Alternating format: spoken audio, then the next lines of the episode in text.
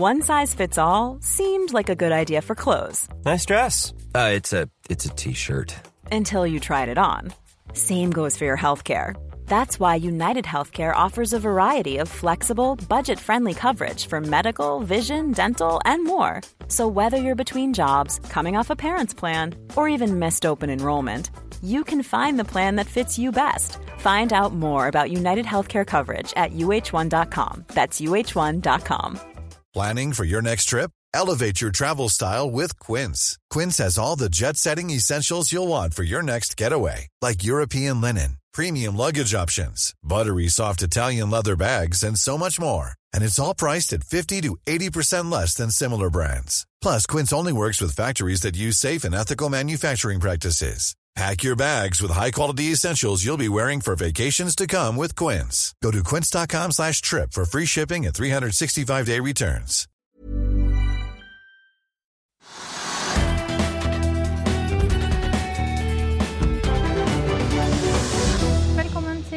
Økonominyhetene. I dag skal vi se nærmere på boligprisene sammen med Grete Wittmeier Meyer fra Privatmegleren. Vi kan jo begynne her hjemme. Akkurat nå er vi opp 1,3-1,4% Det er god stemning på børsen, og så er det noe voldsomt eh, karbonbonanza, hvis man kan si det slik. Ja, så Markedet er jo ganske kraftig opp, da, halvannen prosent. Og det, de amerikanske børsene åpner i, opp sånn litt i underkant av 1 Og så har vi oljeprisen, som da var under 40 dollar på fat, brentoljen, og nå er den da nesten 41. Så det er ikke store endringer. Det er mange som skriver om at liksom det er så voldsom oppgang i oljeprisen. Det er ikke veldig oppgang, det er liksom fra 40 til 41. Men det påvirker da eh, hovedsentimentet ganske kraftig, fordi at eh, oljeaksjene er opp da rundt 3% Så det er, så det er bred, altså bred oppgang på Oslo Børs. Og oljeaksjene er opp 3 ca. Og finansaksjene er opp rundt 2% altså DNB og, og, Storebrand er opp rundt 2% Og masse andre aksjer er altså opp da 1-2% slik at sentimentet er veldig bra da oppover og, all over. Og.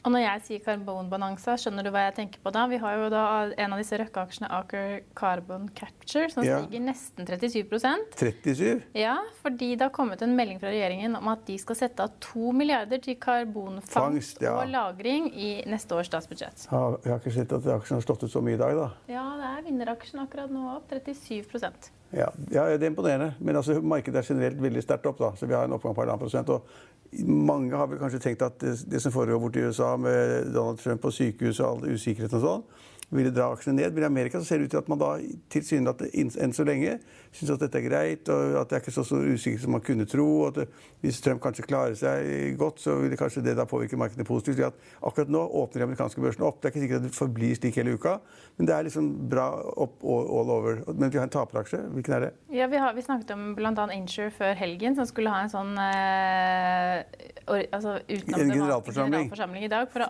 avgjøre om hva de skulle gjøre med denne kundeporteføljen som skulle selges til Storebrand. Ja.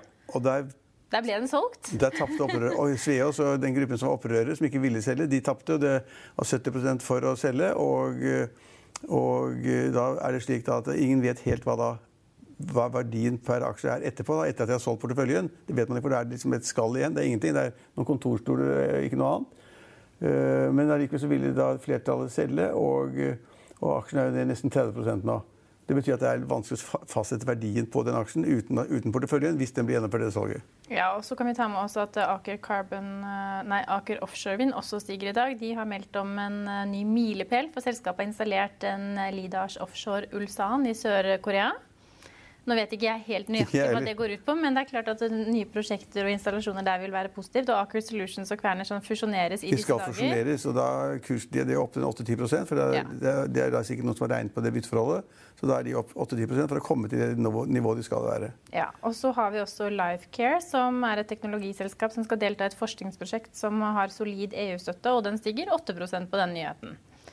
Skal Vi se, vi var jo en aksje som fikk en sånn Øystein Strais Betalen-oppsving forrige uke. Ja, hva tenker du på? Hva? Goodtech. Goodtech, ja. Det er jo et selskap som egentlig er litt kjedelig. De, de, de driver ikke med tech, det er ikke noe tech-selskap, men de driver med måling og styr, styringsinstrumenter for vannfall og industriproduksjon og energiproduksjon og hva det måtte være. Og Da kjøpte Spetalen ganske mye aksjer, og kursen gikk rett opp, og så falt den rett tilbake igjen. I Ja, så nå er den ned 10 I dag faller den enda mer tilbake. så er liksom, Man kan jo lure på hvorfor Spetalen gikk inn. da hvilke planer han hadde, Men han er der fortsatt. Han er der fortsatt, ja. Vi kan jo ta med SAS, som også faller videre, ned 9% i dag. Endte ned nesten 15 på fredag. Under tre kroner. Ja. Ja, så Det er en ganske skummel utvikling for SAS-aksjen. Det er ingen som bryr seg om det. Det er jo de Danmark, altså den danske og svenske regjeringen som kontrollerer at selskapet i og for seg for at alle småaksjonærene og Norge har solgt seg ut. Og da kursen nå går under tre kroner, så er usikkerheten kjempestor på hvordan det går. og derfor så, Det er en fallende aksje. Og så kan vi også ta med Fotokur, som har fått et nytt patent fra European Patent Office for Servira med varighet frem til 2034. Og da stiger aksjen selvfølgelig 3% på den nyheten. Ja. Men en annen ting som også har steget Nell. Du er inne på energi og den type aksjer. Opp 2,66% Ja, Den var oppe 4-5 før i dag, da, så det er en ganske kraftig oppgang der. Så nå tror folk på at det går bra igjen. Så det går eh, ganske bra på Oslo Børs, det går, ser ut til å gå bra på USA-børsen. Og det går også bra i det norske boligmarkedet, Trygve. Sjette eh, måned på rad med oppgang. Ja, altså det var ganske sterkt, for eh, markedet i snitt steg da med 0,4% og så er det slik at Boligprisene normalt alltid faller i september, i september. Jeg tror det er én eller to ganger de siste 20 åra hvor da boligprisene ikke har falt i september. Eh, og da fikk man en sesongkorrert prisøkning på 1,3% og det er veldig sterkt i markedet. Og da lurer folk på hvorfor det er slik. Og er det veldig mange som vil kjøpe akkurat nå? Hvorfor vil mange kjøpe? Er det fordi de ikke kan kjøpe ting i utlandet, eller ikke får brukt pengene sine på reiser til Thailand eller til Bangkok eller til Miami eller hva det måtte være? Altså, hvorfor bruker folk da mye mer penger på bolig akkurat nå? Det er vanskelig å si, men det, som, det ser ut som at omsetningen er mye større enn det var i fjor. Så folk, kjøperne er der. Og så er det kanskje at tilbudssiden begynner å bli litt tynn, sier noen. Eh, og da tenderer prisene opp. Og, det, og, så er det at det er noen byer som da prisene stiger mer enn andre. Det stiger mer i Oslo, det stiger mer i Kristiansand og det stiger mer i Ålesund var vel den byen som hadde størst prisoppgang ja, i september? Ja. ja, ja, ja. Kanskje Ålesund er mest, og så Kristiansand er litt ned, faktisk. Og Bergen er litt ned. Og uh, Stavanger er litt ned. Ja. Er det noe annet vi bør nevne før vi skal snakke mer bolig? Eh, nei, men det Spørsmålet er liksom hvordan det går videre. Og det ser ut, altså De fleste de seriøse analytikere og samfunnsøkonomer sier da at liksom, nå blir det flatere utover. Nå ble september en stor overraskelse opp. Men det skal normalt være flatt ut året. Det, det kan jo tenkes at da folk vil bruke penger så lenge renten er så lav som den er. Det er det viktigste elementet. Altså Renten er lav, og ledigheten går faktisk nedover, men den er veldig høy. Dobbelt så høy som i fjor. Eh, så tror folk at den renteeffekten vil vare lenge, og det tror jeg også jeg. Altså Hvis ikke Norges Bank øker renten, og ikke bankene øker rentene kommende etter to-tre to, år fremover, så er det mange som vil ta pengene sine og bruke de i bolig. Altså Det er begrenset at du klarer å spise av kjøttkaker og mye du kan drikke og sånn, og hva du kan bruke på bilen din. Eh, det er begrenset av det. Så det ser ut som da folk tar, flytter konsumet over da i bolig eh, for tiden, og det vil nok drive prisene opp. Så jeg, at det skal bli helt flatt frem til jul, det er jeg ikke helt sikker på. Nei, og så kan vi også ta med at Det ser ut til at det er en del eh, motstand mot denne nye, nye forslaget om innstramming av eh, boliglånsforskrift også. Ja, det er, det, det, men, ja, men det er et veldig interessant poeng. fordi at altså Nå kan du ikke låne da mer enn fem ganger brutto årsinntekten din på bolig. Og så er det noen som har kommet med forslag om at man skal gå ned til 4,5. Får bare låne 4,5 ganger brutto årsinntekt for å kjøpe bolig. Og så er det kommet forslag om at man skal differensiere dette her. slik at Hvis man tror at presset i Oslo blir for høyt, da, altså prisene stiger for mye i Oslo, så skal man få låne mindre i Oslo. Kanskje bare 3% eller 4,5% eller 4 eh, av bruttoinntekten. Mens da i andre deler av landet hvor det ikke er noe press på boligprisene, kan man få låne mye mer av inntekten din. Jeg syns det er noe ordentlig sludder. altså At man skal få differensierte regionale forskjeller i hvor mye penger du kan få låne i henhold til inntekten din. Det er noe kjempesludder. Altså det er, jeg vil ikke si kommunisme eller dirigisme, men altså det, er, det er et system som begynner å bli ganske godt regulert. Det, egentlig burde man ta bort disse boligforskriftene i det hele tatt. Altså folk får gå til banken og si at så mye penger har jeg så jeg kan, kan finansiere. Denne boligen hytta skal jeg kjøpe. Og så får bankfolkene se på det. De som, da er utlåne, altså lån, de som låner ut penger, de får se på det nøye og bruker sitt bankhåndverk for å klare det. Og det er også slik at det er regulert da hvor mye av bankene, altså hvor mye av låneporteføljen de kan få lov til å gi lån uten at de bruker forskriftene. Liksom et sånn fritt skjønn som man har nå å gå på, så det ikke blir altfor vanskelig. Og der vil jo noen at man skal da gjøre enda vanskeligere for bankene å bruke fritt skjønn. Det er altså helt uenig. De bør ta bort, ta bort de forskriftene i det hele tatt. La bankene låne ut det de vil, og da bruke da på en måte da kunnskapene om, om, lånekundenes eh, bonitet og hva de har av penger, hva slags jobb de får, og hvor mye penger de, de, har til å betale, betjene lånet. Så vi er inne i en reguleringssirkel, sirkus, eh, som ikke er så bra akkurat nå. Så det er da å si at vi, du, hvis du ønsker å bolig, kjøpe en bolig i Oslo, skal få låne mye mindre enn en som bor da i Mo i Rana, det mener jeg er helt meningsløst. Det er nok flere som mener det, Trygve. Er det det? Ja? Vi skal høre at administrerende direktør i Privatmegleren Grete Meier kommenterer uvanlig boligprisvekst og ser solid oppgang også fremover. Grete Wittmeier Meier, administrerende direktør i Privatmegleren. I dag fikk vi boligprisstatistikk for september. Det viste en oppgang på 0,4% eller sesongkorrigert 1,3% opp. Hva kan vi si om den utviklingen vi ser i boligmarkedet akkurat nå? Det er et veldig sterkt boligmarked vi har nå, både prismessig og også volummessig. Og det vi har sett nå den siste tiden, er at det er veldig høy etterspørsel. Og jeg tror det er det som er årsaken til at vi også ser en prisoppgang nå i september. Men pleier ikke markedet tradisjonelt sett å være litt avmålt når vi kommer til september måned? Jo, det gjør det. Og det som er spesielt nå, er at volumet har vært veldig høyt etter eh, koronaeffekten i mars og april. Og etter det så har det vært et veldig høyt volum. Og det skyldes nok i all hovedsak den lave renten, som gjør at veldig mange har anledning nå til å bytte bolig. Ja, for Det er sjette måned på rad med prisvekst, til tross for at vi da fortsatt befinner oss midt oppi en koronapandemi. Er det i lys av det sett litt overraskende at det går så bra? Ja, altså Det er kjempeoverraskende. Jeg tror vi alle trodde at vi skulle få en ganske stor knekk i boligmarkedet. Men så har renten slått mye mye kraftigere enn det jeg tror vi hadde turt å tro på. Og så ser vi at arbeidsledigheten sånn sett har slått mye mindre enn vi trodde den skulle gjøre. Men hvis vi ser på omsetningshastigheten, så er det ganske store forskjeller mellom storbyene. I Oslo så har vi da et snitt på 23 dager mot 70 eh, dager i Kristiansand-Stavanger-området. Mm. Hvorfor går det tregere her? Det går alltid, det har det gjort bestandig, gått tregere der. Jeg sier det alltid disse lune sørlendingene som tar litt lengre tid på å tenke. Nei da. Det er, eh, I Oslo-markedet har det alltid eh, gått mye, mye, mye raskere. Og det er igjen at det er langt flere som slåss om den samme boligen enn det det er i mindre områder. Så på en visning her kan vi godt ha mellom 30 og 60 stykker hvis det er et attraktivt objekt. Det skjer veldig, veldig sjelden i de litt mindre områdene.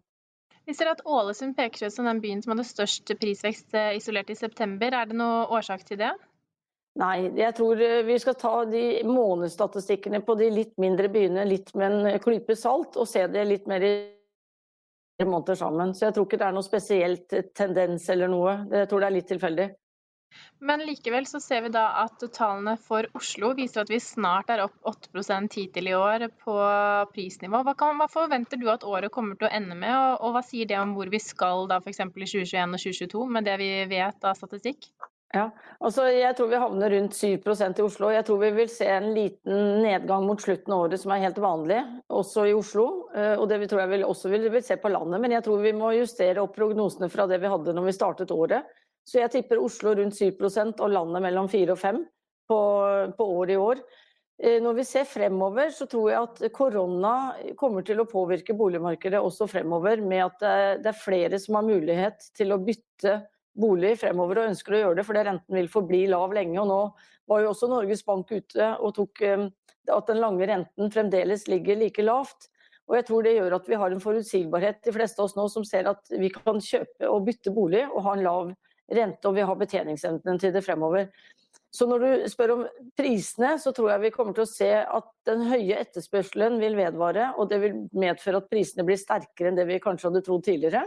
Så jeg tenker at for landet neste år, og kanskje 2021-2022, så tror jeg vi fort kan se en 5% I Oslo er jeg redd at vi får betydelig høyere prisvekst. Ikke minst fordi er, nå begynner vi å få effekten av at det har vært bygd så lite i 2018, 2019 og 2020 og regulert. Så vi kommer til å få altfor lite tilsig av nybygg i 2021 og 2022. Vi har jo på tampen fått eh, et forslag fra Finanstilsynet om innstramming av boliglånsforskriften. Hvis denne blir vedtatt, er du like skråsikker på at Oslo skal eh, opp like mye? Nei, da er jeg ikke like skråsikker. Men jeg tror det er svært liten sannsynlighet for at det kommer gjennom.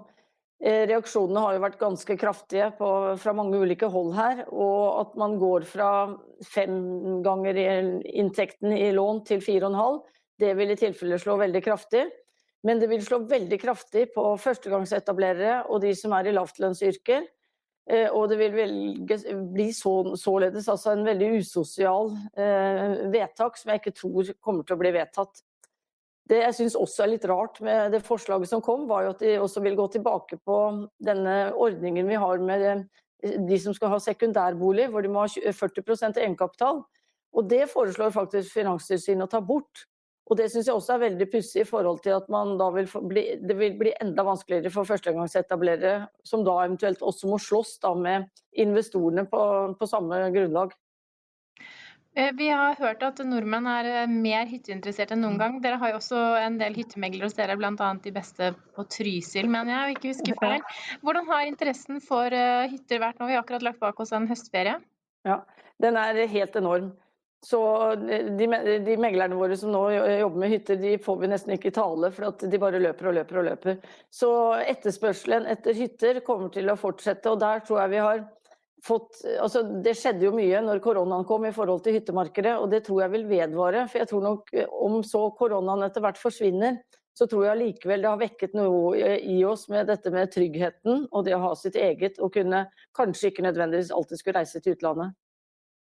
Da blir det spennende å se på både hvordan prisene på bolig og hytte vil utvikle seg videre. Takk for at du hadde tid til å være med oss i dag, Grete. Takk for at jeg fikk være med. Vår sending er tilbake i morgen klokken 15.30. God følg med oss igjen da.